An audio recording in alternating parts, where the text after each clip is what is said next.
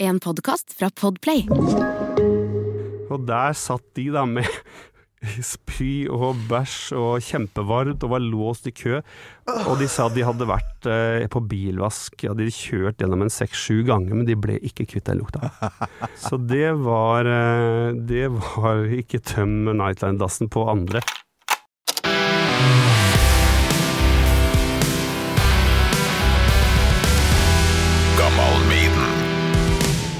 Og Rand eh, hosta og hosta.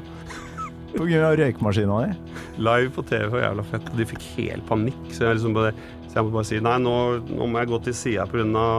HMS, eh, tror jeg. Og så måtte hun ta den av. prøvde liksom nesten Var nesten så kasta han på gulvet og sparket sånn på for å få den til å stoppe å ryke. da. Alt var bare fullt av røyk, og de sto og hosta, de programlederne. Sånn.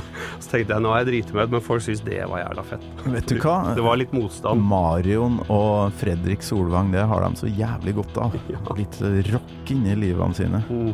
Men nå, nå skal vi nå skal vi roe ned og gå litt Ja. tilbake til oppvekst og, og Ja, musikk er som er- eh, der. Er du klar for det? Ja.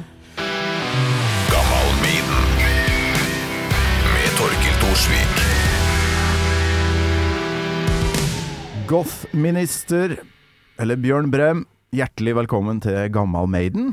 Takk skal du ha. Hvordan har du det akkurat nå, Bjørn? Vi må jo si at det her er rett før delfinalen i Melodi Grand Prix, da, der du skal være med med Goth-minister. Ja, nå har vi hatt eh, prøver i både går og i dag. Ja. Så det gikk bedre i dag enn i går, heldigvis. At det går riktig vei, ikke gærne veien. Mm. Prøver i MGP, altså det virker så jækla regissert det her. Det er jo ikke et sekund som ikke er planlagt i de sendingene. Hvordan er det, hvordan er det å være med på det her?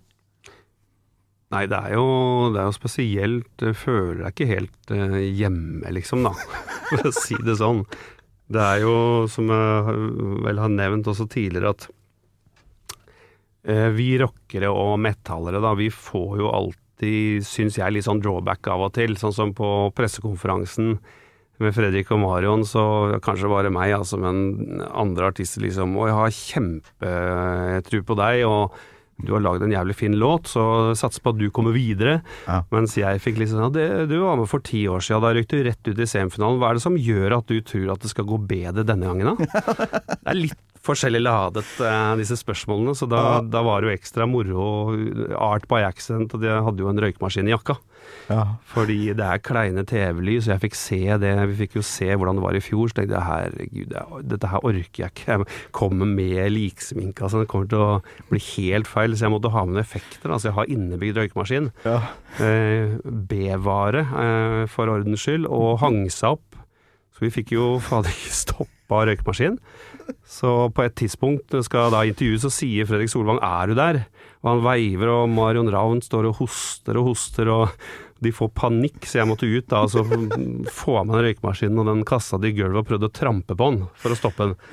Eh, så Det er spinal tap, ass. Ja, det var veldig, men eh, så jeg tenkte nå har jeg driti meg helt ut. Men, men folk syntes det var litt kult, da, for det var litt motstand, fordi alt var så polert. Ja, ja, ja. ja. Så art by accident, da, kan du si. Men um, Det blir lagt merke til, skal du se. Så vi, ja, når episoden kommer ut, så vet vi jo fasit, vil jeg tro. Men uh, vi får se.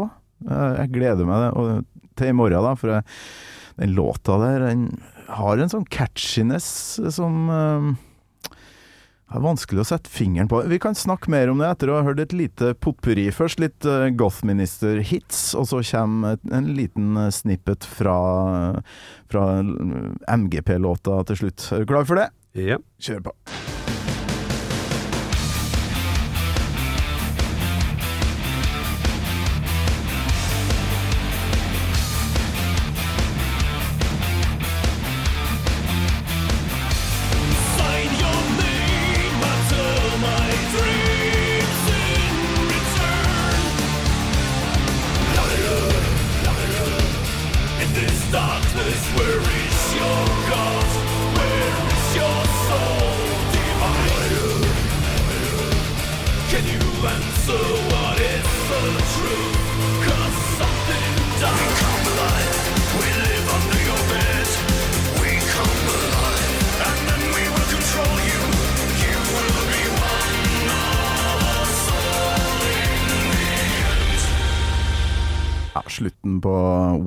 Come Alive der. Nesten litt sånn potpurri som man får når man har røkket ut av noen ting, men eh, det har du jo ikke, eh, Bjørn. Eh, Hva er Vi får se hva vi klarer å få til i morgen. Hva er liksom Hva tenker du når du skal lage noe som egentlig alle all må like det, da? Og det her setter seg jo på hjernen. Hva liksom Ja, nei, For MGP så hadde jo jeg Forrige stund der var jo at da vi var med i 2013, så møtte jeg en som het Jesper Borgen. Mhm. Og han sa at han hadde alltid hatt lyst til å gjøre en Godtmess-låt, og han er popmann. Da hadde han Gaute Ormåsen, så vidt jeg husker, lagd en veldig sånn, veldig okay. sånn eh, ekstremt ekstremt jeg. lett eh, poplåt. Det tror jeg husker, gitt. Eh, og eh, siden den gang så har han blitt en svær, produsent. Han var stor da òg, men nå er han jo blant annet produsent eksempel Alan Walker Faded, som nå Ah, okay. snart har to milliarder eh, Ja. streams på Spotify og sånn. Så jeg tenkte da var tida inne for å ringe til Jesper og høre, da, for å være ferdig med plata, egentlig. Og så Mm. hadde jeg lyst til å gjøre noe sprell. Uh, så jeg ringte til Jesper, er du fortsatt keen, liksom? Hallo, ja. Ja, det var han, så han uh, holdt jo til ute på Filmparken på Jar, og oh, ja. jeg uh, jobber i Filmforbundet, så tenkte jeg der vet jeg, det vet jeg hvor det er. Og så begynte vi å krangle litt for å finne liksom den perfekte hybrid mellom metal og litt mer popmotor. Altså, ja, for å ja, ha, ha en stemme eh, mot disse poplåtene. Så det, det var veldig kult. Det ble en durabelig dragkamp, men jeg tror vi landa på noe som ble, som ble kult, da. Mm. Nei, jeg hørte den jo i går, og så har jeg jo gått og nynna på den. Og det, det er noen låter som har den effekten, og da har du jo gjort noe riktig her. Da. Så har du trua? Nei. Nei, du, jeg har, eh, jeg har ikke Eller altså Nei, for nå har du gått i korridorene, og du Ja. sier at du føler deg ikke helt hjemme der. Men Nei. de insisterer år etter år, særlig Ja. etter sånn 2010 kanskje, vi skal ha med et rocka bidrag. Hva, hva Ja, de gjør det. altså Likevel så får du forsider og den låta her burde ikke få lov til å være med og sånn. Det ble hengt ut, og det er jo Altså, det er helt greit for meg, fordi jeg får jo da samtidig ting fra Tyskland hvor det står uh, 'One of the most uh, legendary metal bands' og sånne overskrifter da fra Tyskland samtidig, så jeg Ja. jeg trøster meg jo med det, men tenk på de unge artistene. Tenk deg å få sånt, hvis du er da et ungt uh, rock metal-band. Så jeg står litt opp for det og syns at sånn journalistikk er ikke helt bra. At du skal på død og liv være kjipest mulig. Da. Du kan jo si at det er dårlig, men du trenger ikke liksom å si at uh, Sånn som han Jostein i, i, i Eurovision sa at hvis, hvis Lorde vinner, så slutter han i jobben og nesten, Ja. nesten tar natta, liksom. Det, det, ja, det er eh, Så det Ja, er det skal jo være enten eller, enten sekser eller einer, Ja, sant? For, ja. For å få klikk. Det er jo kanskje det som er greia. ja, så nå har vi fått én ener, og så har vi fått en femmer så langt. Ja, det er greit Eneren er jeg mest stolt av, egentlig. Ja. ja, men det blir lagt merke til, så jeg, jeg krysser fingrene og har trua. Um, ja, folk må jo få vite, dem som ikke kjenner Goth-minister, at ja, gotisk industriell metall er jo kanskje størst i Tyskland, og sist sommer så spilte du for over 30 000, ikke sant, som, som står der og er helt vill. Ja, det er jo svært i Tyskland, og vi hadde jo vår egen eh, europaturné, headlinerturné nå, og ute i noen uker i, i november. I både Nederland, Belgia, Frankrike igjen, Tyskland, og så gjorde vi en runde i England med Ja. fire show der også. Ja. På Nightliner Buss. Det er jo det er stor interesse, da. Men du kan si Norge er jo det er sånn ra, Kanskje ikke så rart, men det er jo veldig mye bra metall i Norge. Men det er jo ikke bra metallmiljø her, egentlig. Det er veldig kommersielt i Norge, og det er veldig Du skal ikke stikke deg ut. Mm. Og, og det er ikke så mange som liksom tør det, da. Eh, men vi gjør jo akkurat det vi vil, liksom, og det vi syns er kult. Og så får andre ha sin mening om det. Det er jævlig artig at du sier, for jeg har, jeg har hatt over eh, 180 gjester her nå. Mye metallfolk, og det er mange som snakker om den derre de her uskrevne uh, reglene, nesten sånn der uh, regelverk på hvordan du skal være, og hvis du går utafor den, den båsen, så får du så jævlig med pepper da, fra bransjen. Altså, opplever du noe lignende, eller? Med, for du bruker jo litt sånn tekno-disko-aktige beats, som Ja. jeg vil tro at enkelte metallfolk ikke takler helt. Ja, jeg gjør jo det, og det, du kan si at uh, Gottmeister ble jo litt designa for Tyskland, egentlig, det tyske markedet der. Det som er kult der, er at du har jo lister hvor det er eh, mellom 500 og 1000 DJs da, på, på klubber over hele landet som rangerer, lager charts om hva de spiller på dansegulvet. Ja. Og da er det liksom Ramstein, Dunk Dunk og sånn type musikk. Det er jo veldig svært. Altså det er dansbar metal, da. Mm. Eh, og, og det syns jo jeg er kult og tøft, fordi før Gottmester så prøvde jeg jo eh, Da var jeg jo trommis i Disco Judas i over ti år. ja. Og vi spilte jo industriell metal, men det var jo eh, liksom mer en slags sær blanding av Nine Inch Nails og Neurosis.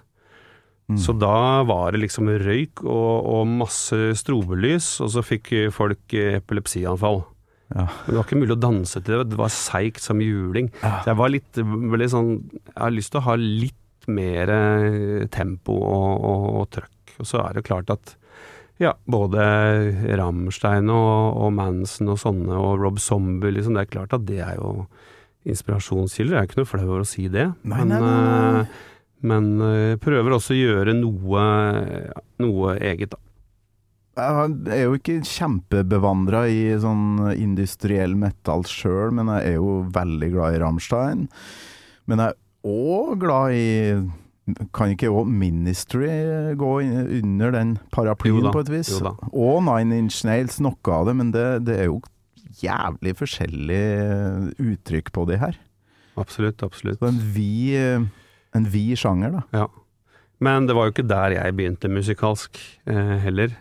Eh, Skal vi, skal vi bare reise eh, fram til det punktet der du begynner med det her, da? For, Ja. um, jeg har et sånn åpningsspørsmål på mimre, mimrefasen her, eh, som alle gjestene får. Om, eh, om du, Bjørn, husker første gangen du hørte eh, Iron Maiden? Absolutt, absolutt. Du gjør det? Uh, ja. Uh, bare noen eh, setninger først, før vi kommer til Iron Maiden. Ja. Uh, altså Jeg starta jo å være veldig, veldig ung og høre på radioen og synes at det var fint å høre på Peter Cetera og sånn, ikke sant. Ja, ok. Og så eh, møtte jeg en fyr på tennisbanen, og alle ting. Og Han spilte med faren sin oppe på Grefsen tennisklubb. Jeg spilte med bestemora mi, for jeg hadde ikke funnet noen å spille med. Og så kan ikke vi spille sammen, han var litt eldre enn meg. Han het Bjørn Erik. Ok. Så hvis han eh, både kjørte moped og hørte på metal, da. Han bodde oppe på Kjelsås og var veldig tøff, så jeg så jo litt opp til han. Og eh, da ble jo jeg liksom første bekjentskapet mitt med metal. Men eh, Så vi snakker Grefsen-Kjelsås-området. Liksom Ja. Oslos tak, på et vis. Ja, ikke sant? fordi jeg bodde jo egentlig med moren min på Majorstua, men hun studerte og jobba og var så busy, så jeg var mest hos besteforeldrene på Grefsen. Ja, ok. Der var det litt mer, eh, ja, kanskje litt mer metallmiljø, da. Så eh, skulle jeg gi han en eh, plate til jul, eh, og det var jo da Our Maiden Live of the Death, okay. Som jeg hadde pakka inn. Og han ga meg en plate til jul. Vet du hva jeg fikk for noe? Nei. Han sa at siden ikke du kan metal og du må bli innvia, så får du den her som er nybegynner-metal. Dette er Cinderella Night Songs. ok. Og jeg, jeg ble så forbanna, og den, den plata tok jeg, vinylplata, ut fra eh, tredje etasje i, i huset til besteforeldrene mine, og den kitta jeg alt jeg kunne som en sendeplate ned i hagen, så den knuste mellom noen trær. What, såpass? Og, og så var det sånn at han hadde jo Iron Maiden-skiva fra før av, så da satte jeg på den, tok jeg den sjøl. Ja, du gjorde det, ja. Hadde du hørt den før du ga den bort, liksom? Som Nei, egentlig ikke, fordi eh, det er jo rart. Jeg husker jo det før jeg begynte å høre på metal, så syns jeg også at jeg klarte ikke å knekke koden. Jeg syns det var bråkete. Mhm. Men du kan si Iron Maiden var lettere tilgjengelig enn Metallica, da. Ja. Uh, I hvert fall på den tida der. I hvert fall sånn uh, ja, Ride the Lightning og sånn er jo ganske heavy. Eh, Så det, det skjønte ikke jeg noe annet enn de balladene, men Maiden var mer melodiøst, ikke sant. Så det var Mm. litt lettere å, å komme inn på. Så det var Maiden jeg begynte med, da. Og så gikk det over til eh, Metallica, Slayer. Oi. Og så etter hvert havner vi på D-side, ikke sant. Og så var det om å gjøre å bare ha det hardest mulig. Men ja. Ja visst. Men Maiden absolutt veldig viktig for eh. Det var jo veldig oppvekst. tidlig òg, i, i din metallreise, høres det ut som. Men Cinderella var altså da nybegynner-metal, det da. Cinderella Night Songs, den uh, gadd jeg ikke, altså. Kan du huske du, hva du syntes, eller hvordan du reagerte på Live After Death? da, For det er jo Churchill-talen, og rett i fuckings Aces High, altså. Ja. Det er Nei, det var jo litt av en start. Ja, jeg husker veldig godt fordi uh, uh, han eh, Jeg hadde en nabo også som også spilte gitar. Jeg hadde nettopp kjøpt meg gitar da, og fått meg en eh, gammel Eller nå, nå er den gammel, men den, liksom den kuleste vrengpedalen. Han ene vi hadde begynt å spille i band med, han hadde Fat Cat, husker jeg. For de spesielt interesserte. Og så hadde jeg fått meg Metal Charger, da. det var den grønne pedalen som var litt tøffere. Den Fat Cat låt litt mer som en veps. Ja. Så jeg plugga den inn i stereoanlegget og gitar og prøvde å spille noe Maiden. Men jeg hadde nettopp begynt å lære meg ting, så det var ikke lett, altså. Ah, Det var litt, da måtte jeg over på noe, noe litt sånn basic Halloween-låter, husker jeg. Da klarte jeg, Så sto jeg da og spilte gitar, og så satte jeg opp liksom verandadøra, og så prøvde å hinte til han at se, jeg står og spiller eh, eh, vrenggitar, liksom, for å prøve å få da anerkjennelse hos nabogutten også. Det var mye bra. Ja visst. Så du bodde stort sett til bestemor og ble eh, Ja, begynte å gå med jakkemerka og, og gikk all in, eller hvordan? Ja da, ja da. eh, og jeg eh, hadde en litt uheldig kombinasjon, husker jeg, for jeg skjønte ikke dette. der, Så jeg hadde jo venner som skata, Ja. så jeg kjøpte meg jo eh, et Sorlak Metallicas skateboard. Oh, ja. Og så skulle jeg ha Metallica eh, eh, sånn eh, jakkelapp eh, ja. bakpå. Da var jeg nede på sikkert på Bodymap eller sånn, Arkaden, og så hadde de ikke det, så måtte jeg bare ha noe. Så endte jeg opp med Ossie Osborne Bark at the Moon, den derre varulven. Og da begynte jeg å bli litt sånn småmobba på skolen, for da sto de og prøvde å pelle av det merket, husker jeg, som var sydd på, ikke sant. Oh, ja. Så det hang sånn halvveis på når jeg kom hjem og sånn, da. Så, og litt yes. krasj da, med liksom plutselig, eh, ja, uh, olabukse. olajakke med også Osborne Bark at the Moon, Metallica, Sorlak-brett, og kom da og skulle skate. Og så går de kule skaterne i treningsklær ikke sant, med hettegenser, og så tenkte jeg faen, nå har jeg driti meg ut igjen.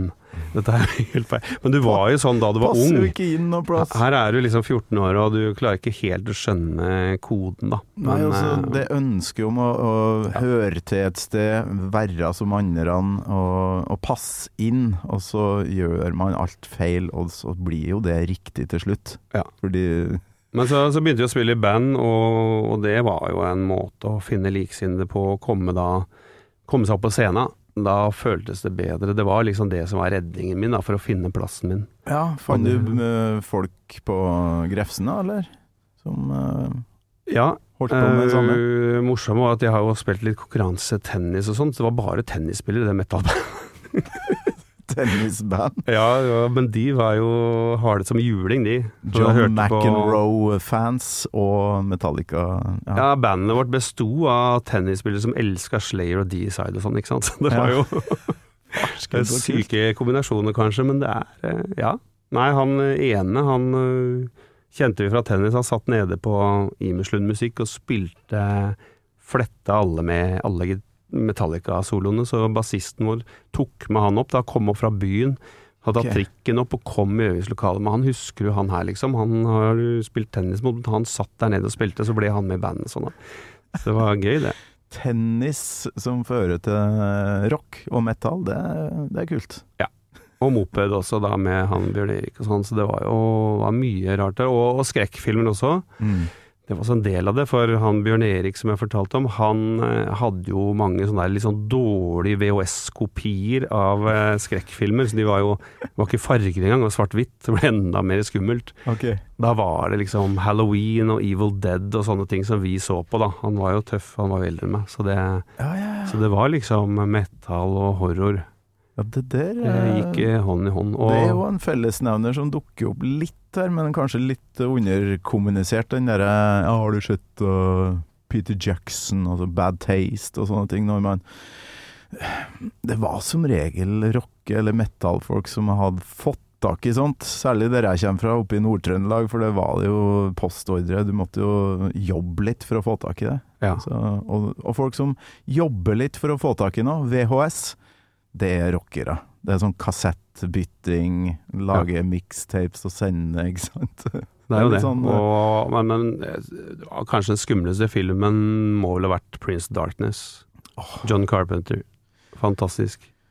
Helt Kjempelang rått, intro. Sitter og er pisseredd, og så er du ikke ferdig med introen engang. Går bom, bom. I 20 minutter satt det, vi satt, tok av lyset, satt jeg og kompisen og så på den Bare skal alt være mørkt, Ja. ikke si et ord, og så sitter du der og kommer inn i, i um, Ja. Ja, gode, gode minner, altså. Sett i eh, sånne skumle, mørke rom og, ja. og ser grøssere i lag. Det, det Ja, ja. Jeg elsker sånn der uh, i Prince of Darkness også kommer presten, og så er det De driver med et sånt forskningsprosjekt innen en gammel kirke, og så uh, kommer det en sånn egentlig en sånn uteliggerdame med en sånn kopp med masse mark i, og sier derre Good evening, father. Are you opening the church again? Og så går den stemmen ned, så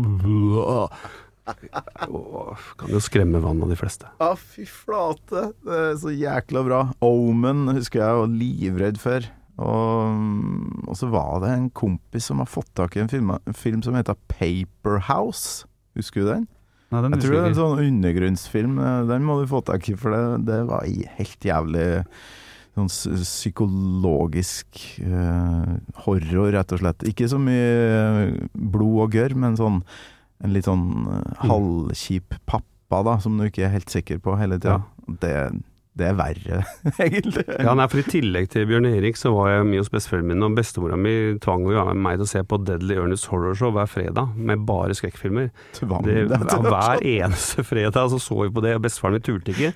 Så han gikk opp og la seg, så satt vi og, og, og så på det. Det var, kunne være sånn der eh, Mye sånn B-horror sånn. Deadly Ernest var en sånn vampyr som kom opp fra kista, ikke sant. Ja, ja, Skulle være sånn litt sånn komiker-host.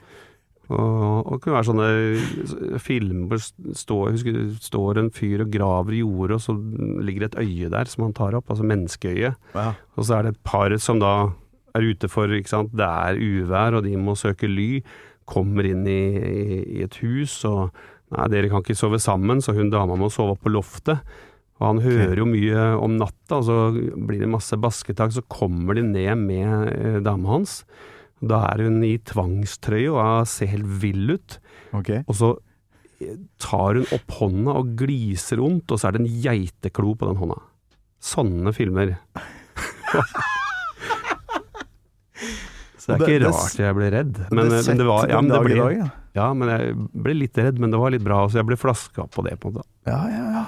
Å, fy flate, så gode minner. Men da, hvor øh, Via hva øh, går du for å, å komme inn på litt mer gotisk og industrielle ting, da? Hva skjer videre etter Metallica og Slayer? Ja, etter Metallica og Slayer, så vi spilte jo fortsatt i band. Jeg begynte jo da i 87. Mm. så smått, og så var det, var det trash metal, egentlig. Eh, Og den derre ja, Metallica, uh, Deicide-perioden og alt det der. Og så var vi en liten stund innom grunchen, faktisk. Fordi da var det jo eh, Jeg likte ikke alt. Jeg likte aldri Nirvana noe særlig. Eh, men eh, jeg hadde sansen for Alice in Chains, var vel egentlig favoritten av dem. Og jeg likte også Soundgarden, da kan du si. De to. De andre var jeg ikke noe særlig glad i. Altså litt en Pearl Jam, men, men mest egentlig Alice og Soundgarden, syns jeg. Samme som meg, da. Ja. Det var litt mer Ja, de hadde noe mer eget over seg. Det var noe kulere Mm. med dem enn enn de andre.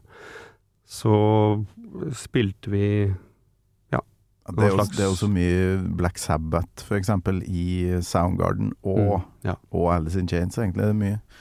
Og de er jo nesten nærmere metal, de, enn de andre bandene, vil jeg Ja. si, da. Eh, Jeg tror også uh, Alice in Chains var vel faktisk på en av dere fire store metal-turneen med Var ikke de med Metallic og Anthrax eller sånn? Et eller annet sånn. Jeg tror at de var de eneste som ble innvia i liksom metallscena av de grunge-bandene.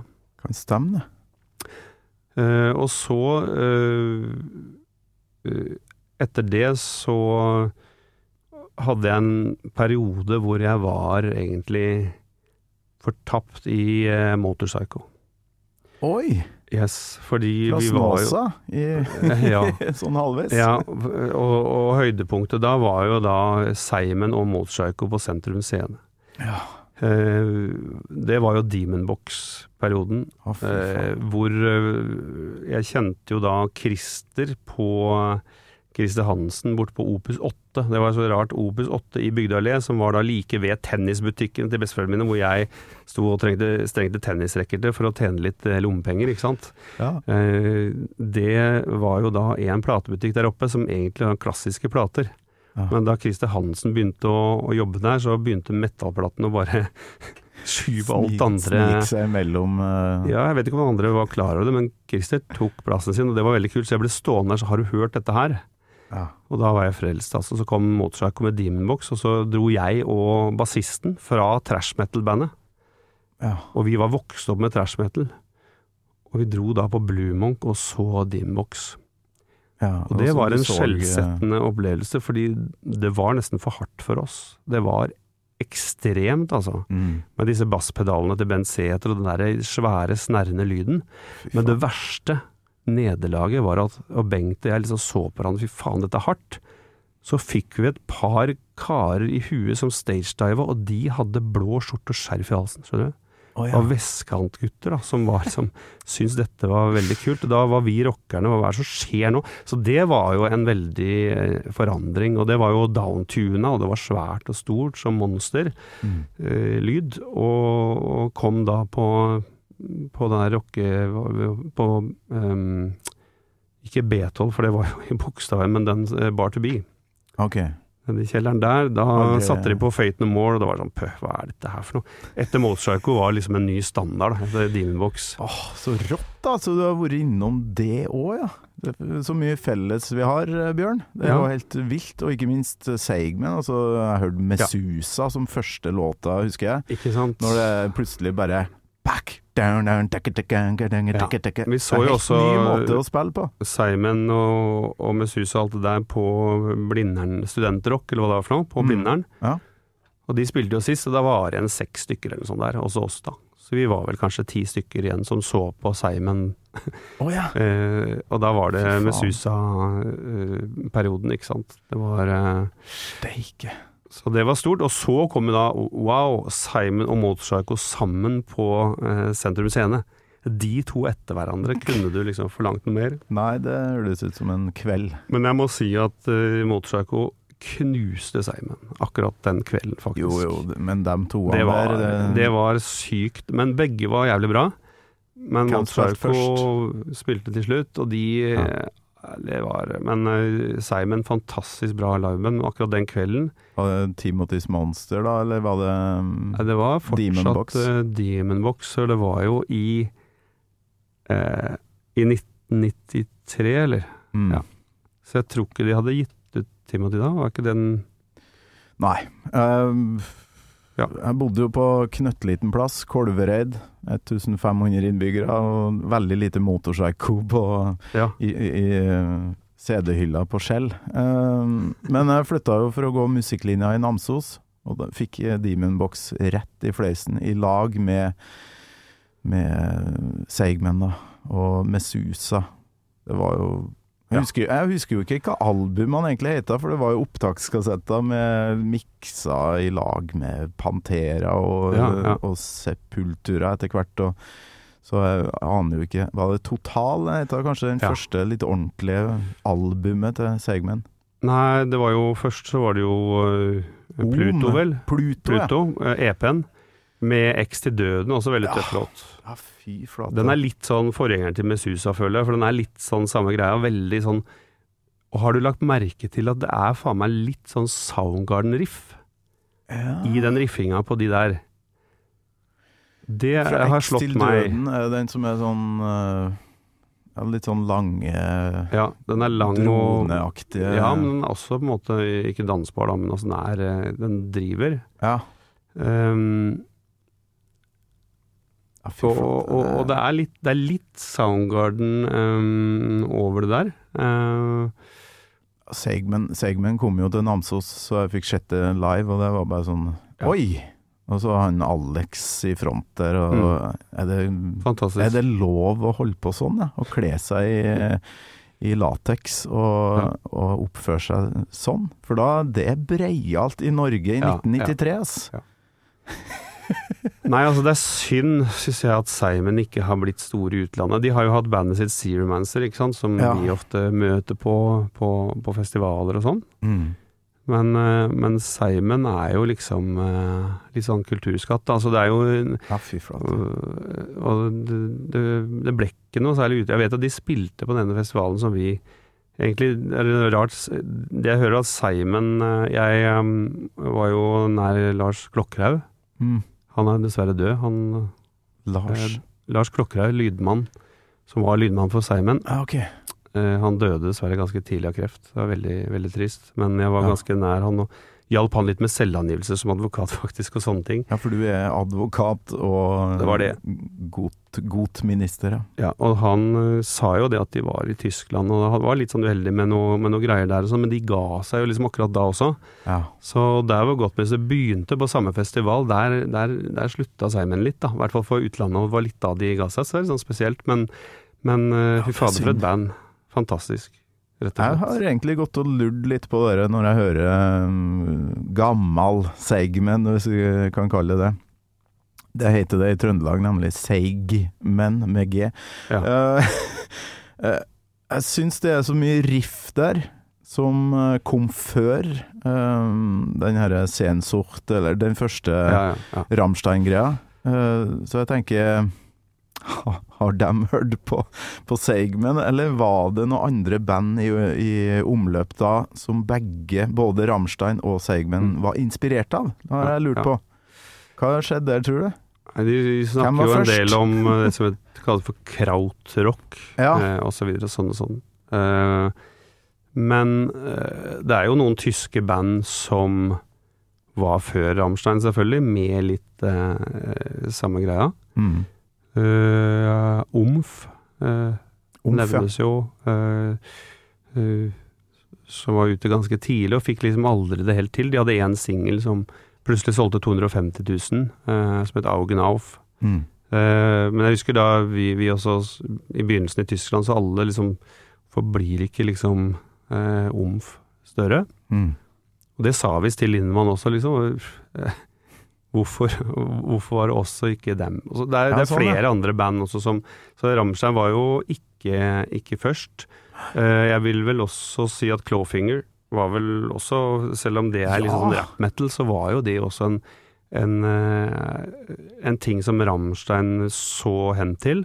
ja. Og de gikk jo også da til Sverige for å snakke med de folka som jobbet med Clawfinger, og det var vel, hvis jeg ikke husker feil, blant andre Jakob Hellner Mm. Som produsent. Eh, vi var jo også der, ikke med Jakob Hellner dessverre, men med Stefan Glaumann på andre skiva vår. Var i Toytown Studios. Eh, da hadde han nettopp uh, jobba ferdig både um, den skiva til Rammstein med Amerika på, så vel er Reise Reiser, er det ikke det? Jeg har Eh, ikke helt oversikten der. Eh, Men- Og så hadde han gjort uh, With Temptation også. Ja. Silent Force-låten og sånn. Ok. Så det var jo gøy å være i, i Sverige der med de, Ja, de store. Men, men det var jo, ja, det var jo liksom Klåfinger de ville ha sounden til, eh, har jeg, har jeg lest om. det. Så. Ja, det har jeg jo lest, Ja. altså. Og jeg har også jobba med eh, pyroteknikeren til Rammstein, han som begynte å jobbe med dem. Å ja.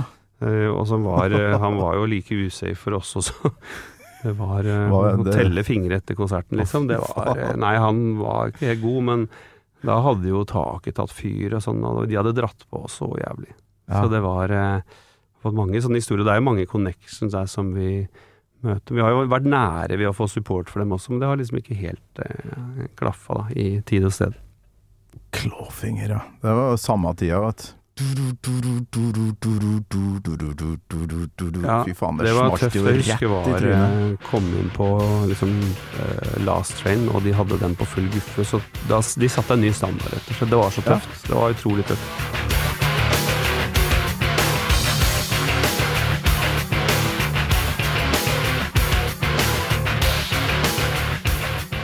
Hva var, hva var liksom det første i den her gata som du oppdaga? Kan du huske det? Omf, liksom? Det, Nei, det var det egentlig. Det var ikke det egentlig. Det var egentlig at jeg spilte jo dette industrimetal-bandet som het Disco Judas, men vi hadde jo ikke sånn disko-metal. Vi hadde jo tyngre, mer droneaktig, da. Mer litt sånn Roses-aktig, men litt mer eh, melodiøs. Vi ga ut en EP som heter eh, Hva heter det for noe? Jeg har glemt det også. Uh, EP som bare het Disco Judas, faktisk. Og så hadde vi et album som heter Reservoir. Ja. Og så var det ferdig. Det var jo ferdig i 99, da jeg starta Godtmester samme år, da. Men mm, Disko Judas er så bra. Ja. Det Var det liksom Det var ikke noe Judas Priest-link uh, der, eller? for, jo, sikkert, men vi forreda jo diskoen, og det var jo litt sånn tullenavn. Det var jo sånn rart. Vi, han, eh, vi hadde en kompis som var manager og, og, og bookingagent, og han eh, booka oss inn på litt sånne rare steder av og til. Altså, jeg husker særlig på Vi spilte på idrettshøyskolen, mm. eh, på Sogn der. Ja. Da var det sånn fest for idrettshøyskolen, og så eh, var det ikke lov til å bruke røykemaskin inne. Å nei. Så han eh, sjef for idrettshøyskolen han gikk opp på scenen og sa at nå setter vi ned prisen på sigaretter. Så kan alle fyre seg opp en røyk, og så får vi røyk til diskudas. til lyset. Så måtte alle fra idrettshøyskolen begynne å røyke der inne. Det er bra. Det er veldig bra. Og så spilte vi opp i Harstad en gang, eh, på en sånn afterski. Ja. Og da eh, Da var liksom Madonna og sånn, det var tjåka fullt, og folk var i partystemning, og så sier gutta vi endrer på låtrekkefølgen. Ja, hva da? Ja, vi begynner med tittellåta 'Reservoir'. Så sier jeg, er, er du gæren? Fordi den går sånn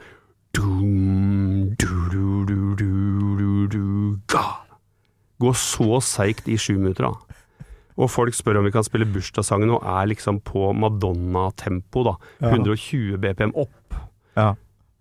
Men det ble, det ble Reservoir som vi starta med. Så én, to, tre, fire Så kommer dronen av vegg, og alle løper jo ut. Mm.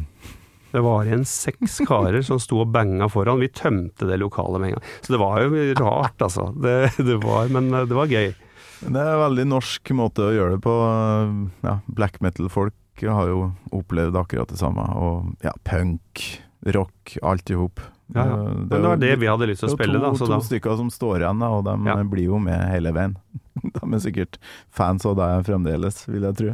Ja, du, du hadde en fan også som kom, og han hadde sendt oss bilder av han, til slutt, Han kom på alle konsertene på den turneen, så til slutt så tok hun opp på scenen, og så kunne han få lov til å stå og bange hele konserten på scenen. og han var så stolt, og han fikk foto som han ramma inn og sendte bilder av. Det er jo ja, Ja, men det, det er det. Det det som er så Ja. digg med det her vi holder på med her. Ra radiorock, Gammal Maiden, uh, Gothminister og, og du har nevnt noen herlige banner, og litt målet mitt nå, føler jeg, for 2024 å få med minst én fra Motorpsycho og minst én fra Se- Seigmen i løpet av året i Gammal Maiden. For noe Ja, det er- Maiden-referanser er det helt sikkert, og jeg har hørt at Bent Sæter har hørt eh, på Maiden opp igjennom. Han har vel hørt på det Sikkert. meste, tenker jeg. Jeg tror kanskje han har hørt på alt, men, men hva han liker hva han egentlig liker, Ja. det har jeg lyst til å finne ut av. Så Det er interessant. Husk på å spørre han om hvordan han kom opp med den eh, geniale ideen med den sounden på Demonbox og de der Ah. basspedalene hans og de dronene, fordi det er jo ikke noe som man vanligvis har. Altså Han sto jo og stelte, og så altså, får du den subben. Det er utrolig tøft, da. pioner eh, fra, fra Snåsa i Ja. Nord-Trøndelag, det Nei, jeg, jeg kan lov å slå seg på brøstet litt der, altså. Jeg kan ikke si mange nok ganger hvor fantastisk Mozart er. De har vært innom alle musikkstiler, nesten. De er en, eh, de er en norsk kulturskatt, de. det mener jeg av Ja. hele mitt hjerte. Jeg så dem nylig på Rockefeller, var du der? Nei, jeg har ikke sett dem live på mange år, dessverre, for jeg, jeg går ikke så mye på konserter lenger. Nei, altså Men, det, jeg var litt åpen for alt. Eh, For Motorpsycho kan være hva faen som helst. Du, du Ja. aner jo ingenting. Nei, det er ikke alltid jeg liker det engang. Jeg hadde ikke Så- sjekka noe settlista der nå, så eh, Ja, ok, nå kan det sikkert bli noe jazz. Det kan bli hva faen som helst. Kanskje Mm. har de noen blåsere. Jeg aner ingenting. Og så sitter de eh, bare frampå scenen med akustiske gitarer først. Et langt sett med Helt nydelig, så klart. Syng fint. Mm. Og spille låter fra den perioden jeg elsker, da. Let Them Eat Cake og ja, seint 90-tall og den eh, tida der. Uh, koser meg glugg, da. Mm. Og så går de og tar på seg elgitarene. Ja. Og så er den siste, siste, den siste tima er bare med den her Ja. Bent Sæther-bassen, og fy faen, for en konsert! Nei, liksom, eh, for meg så er det liksom låter som Demon Vox, Plan Number One, mm, og ikke minst Vortex Surfer. Ja. Vortex Surfer vant jo, husker jeg, på Var det P3 eller sånt for det var, de hadde en konkurranse for mange år siden om én låt skulle de spille 24 timer i døgnet. ja, stemmer det. Og gudskjelov så var det Vortex Surfer som vant. Så når jeg liksom skulle i dusjen og gjøre meg klar til nyttårsparty med gutta og sånn, ikke sant, så hadde jeg bare på radioen, og så gikk den om og om. Jeg ble aldri lei av den. Det var så vakkert. Hva var det som Eh, skjedde der? For det, var det bare eh, fansen som mønstra ordentlig, og bare fikk på den, eller? Jeg vet ikke, men det var jævlig kult på en forholdsvis kommersiell radiostasjon at det var motsatt med Vortex Surfer som skulle spilles 24 timer. Og Ah, helt vilt. det, ja, og jeg har vært sånn at vi hadde jo masse folk som skulle på Motortrack og da jeg gikk i dusjen så satte jeg på Lobotomizer, og så gikk vi derfra. Ja. Og gjestene kom liksom kanskje da når vi har kommet til eh, Demon Box eller Timothy's Monster, og så kjørte vi gjennom alt. Og da var det nesten du hadde fått nok av Mozart når du kom på konserten. Jeg hadde kjørt gjennom alt. Jeg hadde hørt gjennom i, i mange timer, alle skivene. Ja. Uh, uh, men selvfølgelig fantastisk konsert. Og så var jeg sånn etterpå så Hørte du på The One Who Went Away? Jeg tror de tok countrykoringa. Skjønner du? Den lille koringsvarianten av eh, på countryversjonen istedenfor rockeversjonen. De tok countrykoringa Ja. på rockelåta. Sånne detaljer var jeg ute etter. Da da. er du nerd, ass. Ja, det er er, du eh, deilig nerd. Ja, det er fint. Men da sa yes, det hørte jeg. Og så husker jeg Stage Dive også. Jeg hadde lå oppå der og fløyt. Jeg tenker jo så jævlig catchy låt. Mm. Får sikkert aller høyere live igjen etter 90-tallet, tenkte jeg. Mm. Så var jeg på Trondheim Rocks for å se Kiss, blant annet. Så går de på scenen og spiller faen meg One Went Away. Nei. Jo! Så kult. Motorsag. Ja, ja. De kjører et sånt sett. Ja, Der de har ja. tatt de mest catchy låtene. Helt nydelig. Så de, de gjør alt. Og de gjør alt rett, Mm. du meg. Så, men parallelt med det her, så blir jo du eh, rocker, spiller i band, men klarer jo å bli advokat samtidig. Hvordan har du fått til det? For det er ganske det er mye pes med det der rockegreia, å komme seg fram i den bransjen, og så skal du holde på med noe annet i tillegg. Jeg ble omtrent trua av moren min, vet du. Å ja. Nei da, men jeg hadde Jeg, var liten igjen med bestemora mi på Og så lurte jeg på hvem er som er på toppen i politiet. Det var jeg opptatt av. Ja, Og det har vel litt med at jeg begynte jo å lage tegneserier og var veldig opptatt av Batman, da. ja vel? Og Batman har jo en connection til politimester Gordon, så jeg tror det var et eller annet sånn. Og så var jeg liten og fordi alle ville bli bussjåfør eller brannmann og sånn, men jeg ville da bli riksadvokat, ja. For det var den øverste i politiet sa da. Og så møtte vi Riksadvokaten tilfeldigvis, og han kjente Altså bestemora mi visste hvem han var, da. Ja og så fikk jeg hilse på han. Din store Så da spurte lærerinna på skolen ja, hva vil dere bli når dere blir så? Du vil bli brannmann, du vil bli trikkesjåfør, og du vil bli politi. Hva vil bli du, ja? Riksadvokat. Ops. det var kult. Og det Høyesterettsjustitiarius. Ja, Takk. så ble det ikke det. Men det var jo liksom da den eh, ønsket om å fremme rett og hindre urett, tror jeg. Og så begynte jeg på førsteavdeling. Ja. Eh, og uh, syntes det der var litt tungt. Hadde en kompis som var seig til å lese, som prøvde å også presse meg til å lese. Det er jævlig mye å lese. Men jeg sa etter førsteavdeling så skal jeg skrive en bok. Ok. Eh, en sånn horrorbok. Men så ble det litt sånn der Ja, men ta det til annenavdeling, da. Nå er det så godt i gang. Ja, ok. Og så spilte vi også band uh, samtidig, da, så da var, det, da var det greit. Så jeg kom meg gjennom der, og, og ble ferdig. Um, Og begynte å jobbe for meg selv. hvor mange år er det, egentlig? ja, det er seks år Seks som jeg brukte. Men da jeg begynte å jobbe for meg sjøl, så begynte jeg å jobbe med en del musikk. Så jeg hadde jo da artister eh, som klienter, og, og også management, ikke sant. Eh, Mm. Det var masse, var, som jeg sa, gjorde kontrakter for alt fra Enslave til Mari Boine, rett og slett. Og, og gøy. Jobbet litt med disse Bylarm-gutta og sånn, og de var jo rett nedi veien der. Der Ja. var jo bortpå uh, Homansbyen.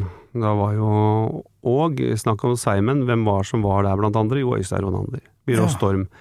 Så det var jo den der også vi, eh, vi kom inn da i bookingbyrå med, med Godtmester i, i 2003, var vi kommet til da. Ja. Så har vi vel hoppa over litt sånn hvordan jeg kom dit og sånn, men, men det var jo rett og slett det jeg sa at Diskudas ble oppløst i 1999, og så begynte jeg med, med Godtmester da. Mm. da som en enmannsprosjekt, og så ville jeg jo fort, fort, fort ha liveband, fordi jeg kom jo fra jeg kommer fra trash og death metal, ikke sant. Ja, ja, ja. Eh, Så klart må man ha et band, og trommisen i mitt band, Nullskattesnylterne, har jo spilt med der. Ja. Så Tom Kenneth var jo da uh, først stand-in på den første litt store europaturneen vi gjorde i 2005, sammen med et band som heter Lacrimosa. Ok. Uh, og de trakk mye folk, de altså. Han kom, Eh, han kom jo hjem fra de turneene her og liksom Faen, det er helt galskap. Det Ja, så mye folk som digger denne type musikk. det var det. Jeg tror ikke. også Tom var med på uh, i England uh, da vi hadde vi har noen sånne turnéhistorier. Ja, ja, ja. Så en av de er jo litt morsom. Uh, er litt fæl òg, men um, vi var i England sammen med Mortis. Okay. Så vi var på Nightliner-buss, og så hadde vi et eh, supportband. Mortis er vel Brukte ikke han maske? Jo, han har tatt på seg maska igjen nå. Han er jo kjent fra Emperor, ikke sant. Og Ja. så har han da laget et eget eh, prosjekt. Ja. Så han er en god venn. Hør, hør på Mortis. Veldig bra. Ja, ja, ja. Vi eh, hjelper, vi hjelper hverandre litt. Vi må gjøre det. Eh, Promotere hverandre litt. Nei, veldig, veldig oppegående. Håvard eh, veldig Jeg ser veldig opp til han. Veldig oppegående fyr. Eh, veldig mye integritet og veldig mange fans. Så vi var jo da sammen i England. Mm. Det var jo litt sånn en, en storhetstid der med, med det bandet hans, som var i samme sjanger, og så hadde vi et supportband. Og en varm eh, sommerdag så kjører vi da inn til London, og det er kø, og uh, av en eller annen grunn så sier bussjåføren vi er nødt til å tømme dassen på bussen. Eh, Ok, ja, hvordan gjør vi det sånn? Og så var det ikke Det var litt sånn kommunikasjonssvikt. Og da band, altså supportbandet kjører da i en eh, liten bil bak alle sammen der. Mm. Så vet jeg ikke hva som skjedde da, men det er noen som da Jo, du skulle tømme den ved å trekke en sånn spake, og så er det noen som plutselig trekker den spaken. Og så På, hører jeg på motorvei? Ja, mens vi kjører, og så hører jeg Bush si no! Eh, og så blir det liksom helt stilt, og hva er det som skjedde nå? For vi klarte å tømme da eh, den dassen, og det skulle vi ikke gjort, da han ble fly forbanna og sånn. Så kommer jo vi oss eh, til venuen. Jeg lurer på, ble av det her supportbandet? Kjørte ikke de bak oss? Nei, ingen som har sett de, og det tar jo tid, og de kommer jo nesten for seint til soundcheck og sånn, så endelig så kommer den bilen, da. Ja. Og da kommer det fem mennesker ut som er sånn De er ikke bare grønne, de er sånn gustengrå i ansiktet. Så hva er det som har skjedd med dere? Jo, nå skal du høre. Vi, altså, vi satt jo i den der køen og kjørte bak den der Nightliner-bussen deres, da. Vi var så jævlig varmt, så jeg hadde jo aircondition-anlegget på fullt.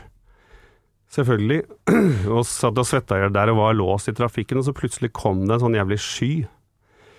Eh, Og det bandet hadde én dame om bord, og hun sa 'Oh no, I know what that is'. Og det var jo da hele dassen som kom gjennom da aircondition-anlegget deres. Og de var jo låst, for det var jo kø, trafikk, de kom seg ingen vei. Så det første som skjedde, var at alle kasta opp omtrent på hverandre inni bilen. Men han trommeslageren, han var jo også da satt jo fast Han måtte drite, da. Så han hadde jo da eh, kråla eh, gjennom dette spyet og sånn, og aircondition på fullt, og den lukta kråla seg til baksetet, satt seg på huk og måtte bæsje i en sånn brun sånn eh, bag. Og der satt de da med spy og bæsj og kjempevarmt og var låst i kø. Og de sa de hadde vært eh, på bilvask, ja, de hadde kjørt gjennom en seks-sju ganger, men de ble ikke kvitt den lukta. Så det var eh, Det var ikke tøm Nightline-dassen på andre. Eh, når, vi nå hadde europaturné, eh, Godtmester, hadde vi to supportband, men i England så vi, fikk vi på ett supportband til. og det var disse Dead Filmstars. Jaggu meg ville de spille med oss igjen. Og da lagde vi jo litt sånn moro på sosiale medier, så jeg spurte han Gary om jeg kunne fortelle den historien. Ja. Jeg bare kjør på. Og da var det sånn, kanskje de burde kjøre foran bussen denne gangen, og så var det masse moro. Og, de fikk masse bra publicity på det, da. Fy faen. Oh, herlig, herlig og ganske disgusting historie. Um, og når vi nå først er i, i England um, Skal ikke handle om dritt nå, det skal handle om Maiden, for hver gjest må jo velge seg låt. Og vi har jo snakka Fy flate, for en fin prat vi har hatt, som uh, merker ikke at tida går. Men jeg tror vi har holdt på i 50 minutter pluss. Så nå må vi ha en rask analyse av uh, låta du uh, velger deg, Bjørn. Hvilken Ja. Maiden-låt fra katalogen er det du har plukka? Jeg har plukka Can I Play With Madness. Can I play with madness?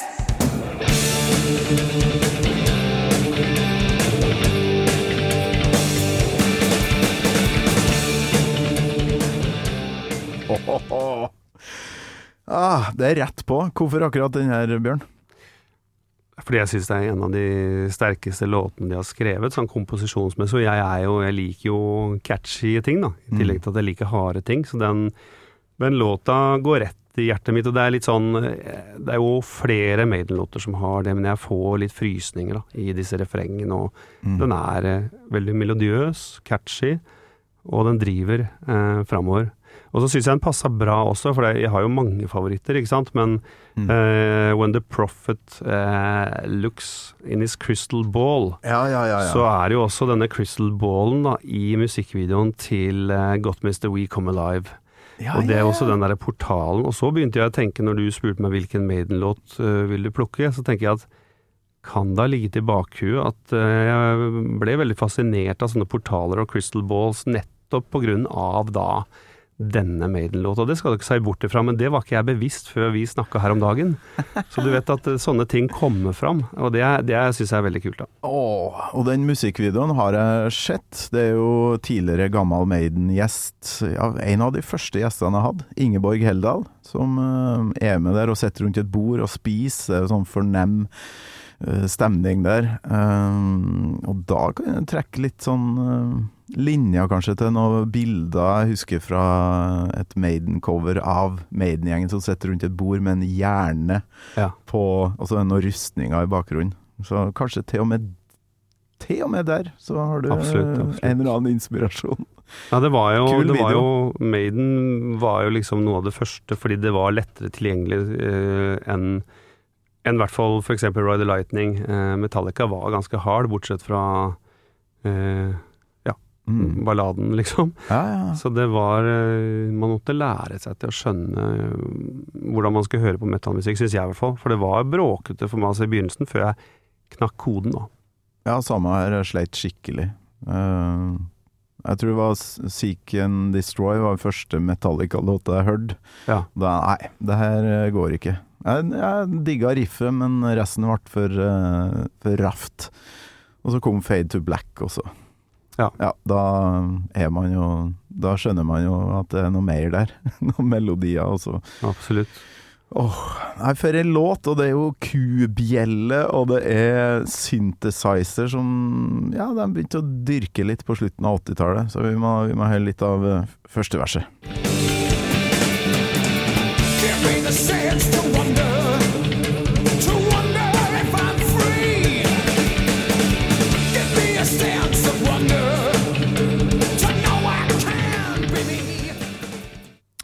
er jo en del av Seventh Son, det her. Som var et Ja. forsøk på et konseptalbum og en sånn historie med noen profesier, ikke sant. Ja. Det er jo for meg og deg som er glad i eh, horrorfilm, Mm. det er jo rett oppi gata. Ja. Så, Og så har du jo selvfølgelig En av de store favorittene mine er Two Minutes to Midnight, rett og slett. Ja. Eh, og kanskje også Fair of Dark er kul, men den er jo litt eh, nyere eh, enn en de. Det er jo ikke ny, det er jo gammelt som bare det. Men, men i forhold til eh, liksom Live After Death-skiva ja. og sånn, da, så er jo det utafor den eh, perioden og litt nyere. Men, men det, er, eh, det er mye stort der, og vi har jo også da vi var Etter europaturneen vår så var vi på tre show i Finland sammen med band som heter Lord of the Lost. Som også var med i Grand Prix i fjor. Vi kom dessverre på sisteplass i internasjonal finalen. Ok. Men de eh, kom seg jo gjennom tyske. De slo en sånn fyr med en sånn eh, eh, plastikkparykk. som var nummer to i Tyskland. Det var Ok. ikke helt sånn uh, Margaret Berge-nivå der, altså, men eh, de kom seg så har jo de wildcard. Ja. De kom rett i finalen. Men eh, veldig flinke folk, eh, og eh, de har jo supporta Maiden nå. I masse shows, 40-50 show eller sånn. Ah, ok. Så det, og det Chris Harms, da, fra vokalisten i Lord of Lost, han eh, sa jo til meg at eh, For han, han begynte dette bandet etter Godtmester, så han eh, var jo litt fan og, og ikke sant. Så Ja, vi ja. begynte jo mye før dem, men de har jo liksom vært helt proffe. Jeg jobber jo ved siden av dem, har ikke tid til alt, men de har gjort det svært nå. Ja. Trekker mange tusen etter den, eh, særlig Eurovision og Maiden-support-greia, da. Men han sa at eh, Maiden var så jævlig hyggelige mot supportbanda. De var helt topp, og de betalte dem til og med, og det var liksom Ja, det skulle ikke være noe tull, da. Og, og det står det respekt av også, tror jeg. At eh, det er jo ikke alle band som er like hyggelige mot uh, supportbanda sine. Nei. Jeg har jo hørt Jeg har hørt noen der. Hørt noen historier blant andre om våre venner i D-side, som har ikke vært pent, men jeg kan dem ikke i detalj, så jeg vil ikke legge ut. Men det er, eh, Ja. det er forskjell. ja. Så vi også eh, hadde to supportband på vår turné, og, og fikk Fy fader, så kule dere var mot oss, liksom. Ja. Og siste gigen så tok jeg vokalistene igjen. Fikk de plukke én låt hver, og så var de med og, og synge på scenen, da. Uh, og det er viktig å behandle supportbanda sine bra, altså. Hallo, det, vi, igjen, vi skal hjelpe hverandre opp og fram, så hvorfor ikke Ja, jeg har hørt om veldig mange som får ræva lyd, får nesten ikke lys. Altså, hva faen er greia med det? Skal ha en, en sur gjeng, fem-seks stykker, som skal kjøre i en egen bil bak uh, Nightlineren som er sur på deg i uh, måneds tid.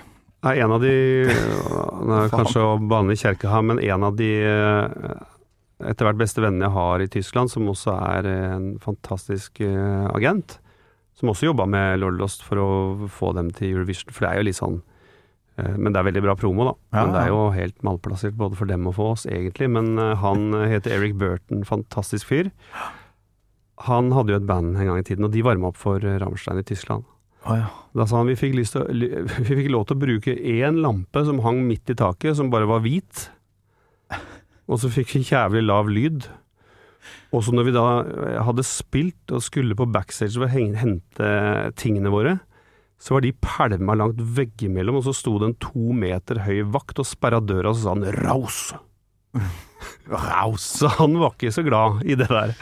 Eh, men jeg håper at de har Jeg tror nok de har begynt å behandle supportbandene sine bedre enn det han stakkaren eh, ble behandla der. Jeg har ikke hørt noe negativt sånn sett, men det, det er klart det er viktig eh, å, å behandle alle med respekt og få alle til å føle seg vel i ditt selskap. Det er liksom det jeg prøver å, å gå etter. Og så håper jeg ikke at jeg har følt deg uvel nå når jeg sitter da i denne tradisjonelle norske genseren, og så har jeg litt sminkerester og sånn, for det er, her er jo stilen helt krasj. Ja. Så kanskje jeg satte deg ut nå, og det var ikke meninga. Du setter lusekofte lusekofta. her. Lusekofte og eh, sminkerester fra i går, for jeg gadd ikke å sminke meg helt i dag. Og så går jeg faktisk også i en termodress, for det er så jævlig kaldt ute. Ja, ja, ja. Så det er Det sånn bare helt krasj, da. var ikke så veldig gotisk, eh, det du kom inn med her, da. Gotisk lusekofte. ja, det er bra. Åh, en nydelig låtvalg. Eh, Må jo høre refrenget, Bjørn. Ja. Can I play with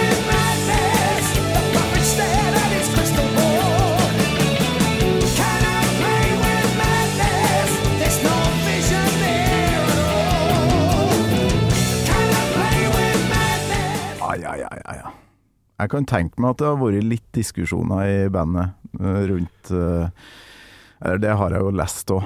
at det har vært det nedpartiet som kommer etter hvert. Mm. Det var Ja. veldig mye diskusjon om, om de skulle ha med Det er vel et sånn merkelig temposkift der òg, hvis jeg ikke husker feil. Ja. Skal vi se om jeg er, finner eh, Rolig Men det er mye parti. fine detaljer der, altså. Både musikalsk og, og rytmisk. Der har vi den. Der er den.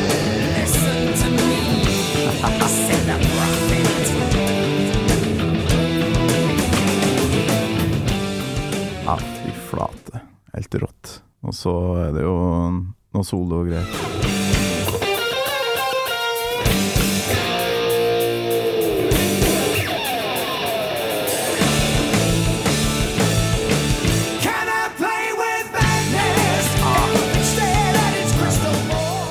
For der går det liksom tilbake til klassisk røtter, på en måte. Eh, klassiske rockerøtter, og så kommer det da tilbake til Maiden med det. Så det er jo Ja. Den har det meste, den låta der. Det var derfor jeg også ville plukke den. Ja, det er helt rått, og øh, jeg må si at den var ganske voksen, øh, ja, godt voksen er den første gangen jeg gikk opp for meg at det er en synt i det der refrenget der. Jeg har ikke lagt merke til den, men den ligger der og bare Jeg tror jeg har den sånn halvveis isolert her. Den, ja. den gjør jo refrenget.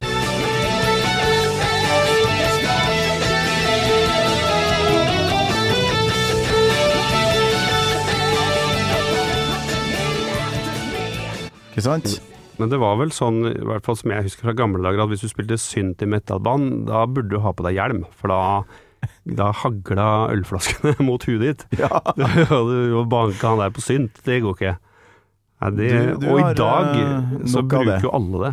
ja. Altså, synten har jo på en måte gjort så mye for produksjon, fordi i dag bruker alle eh, syntetiske hjelpemidler for å få fram metallyden, rett og slett. Ja, ja, ja.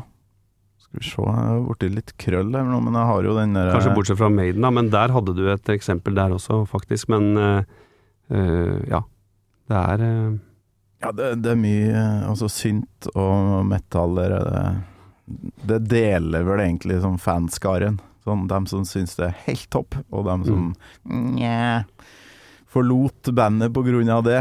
Ja. Litt sånn samme Olla som forlot Metallica da de Ja. Laga ei ballade.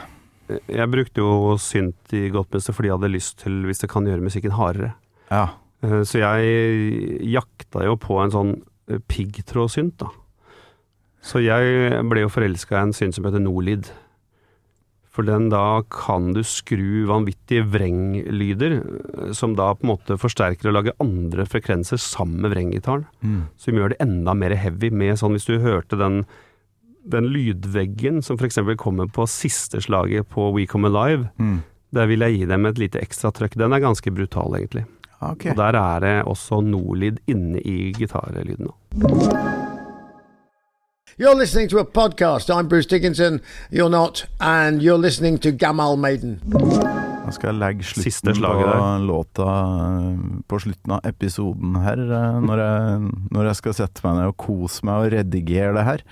Jeg har òg til sånn eh, vokalspor for den er jo rimelig viktig for å liksom løfte det her refrenget, som er bare helt episk. Can I play with madness? The prophet stared at his crystal ball.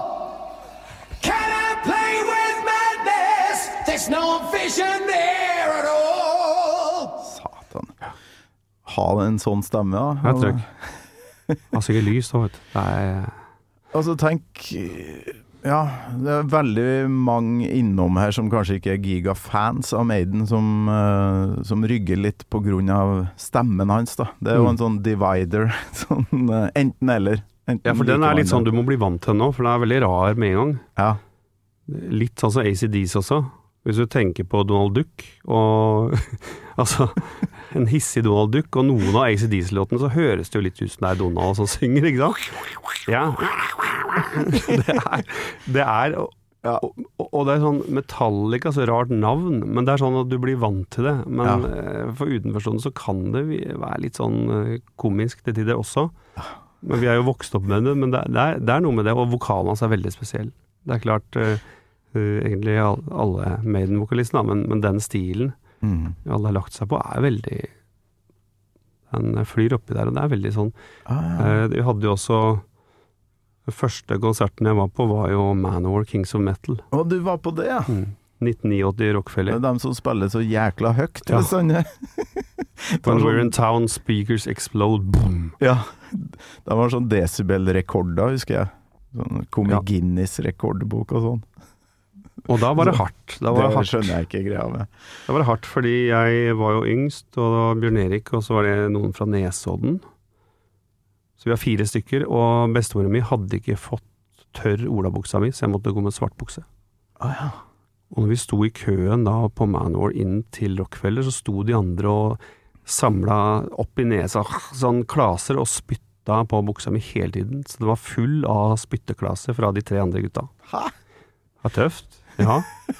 Men så kom jeg inn, da, kjøpte meg Manor T-skjorte og kunne dette tegnet deres. Ja, ja, ja. Kunne alle tekstene. Da, da fikk jeg respekt. For de trodde kanskje jeg bare var en sånn derre som skulle være med, hadde ikke Men svart ikke- var ikke greit? Nei, svart bukse. Nei, du skulle ha olabukse. Okay. Ok. Men så kommer Manowar på scenen, og de har jo sånn spandex. Da blir jeg skuffa, altså.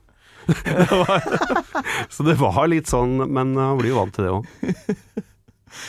Oh, Men det var bra. de drog jo det der mus muskel- og sverd-greia til Ja. det ytterste. Og det er jo mye tøft der òg, men jeg har egentlig aldri Nei. hørt veldig mye på det.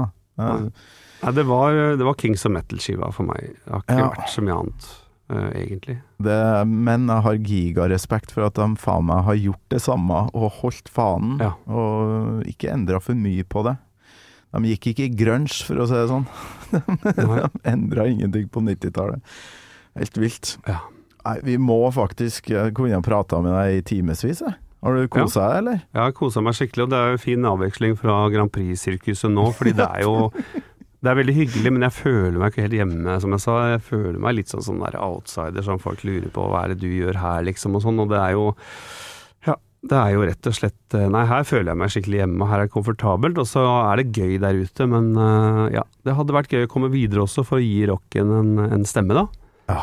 Så Ekstra digg da når du står der og har vunnet hele driten. At du egentlig ikke var helt velkommen inn i varmen der. Men eh, så klart inspirert av det her. Vi må høre avslutninga på låta di, 'Can I Play With Madness'.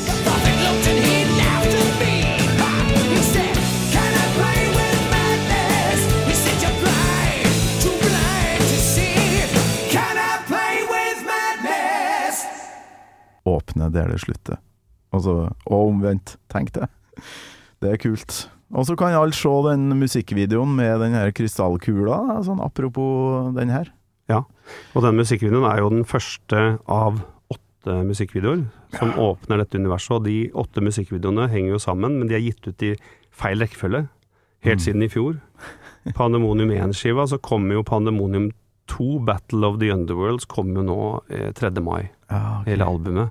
Så We Come Alive er den første singelen eh, som da nettopp kanskje spiller litt med galskap, som Maiden synger om. Mm. Du har The Crystal Ball, du har Ingeborg Heldal. Og eh, hva skjer da når man dykker inn i denne portalen og ser inn i krystallkula?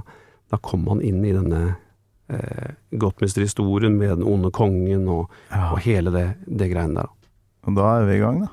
Da er vi i gang. Da er det varulver og hekser og mye moro. Å, fy flate. Neste gang du er innom, så må vi snakke om Eddie og alt vi har glemt å snakke om. For det Absolutt. visuelle i Maiden er jo sjukt viktig, og for deg, vil jeg tro, som holdt holder på med sminke og, og teater. For det er mye teater du holdt med, ikke sant? Jo da, vi har jo hatt eh, animatroniske demoner som eh, går på luftkompressor og strøm. Ja.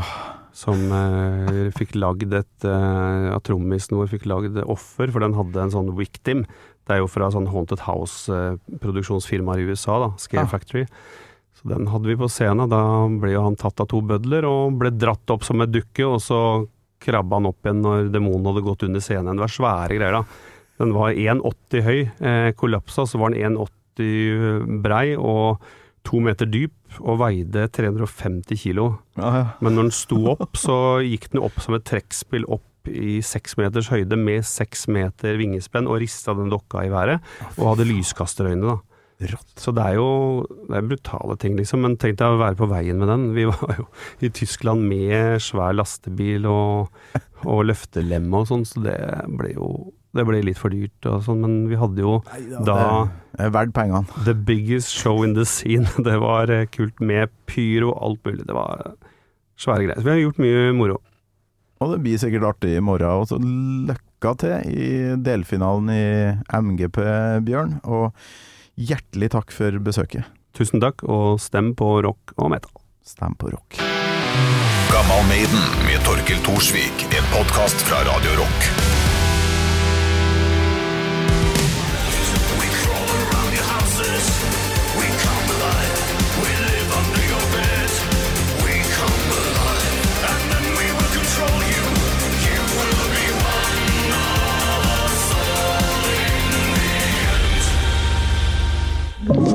Du har hørt en podkast fra Podplay. En enklere måte å høre podkast på. Last ned appen Podplay, eller se podplay.no.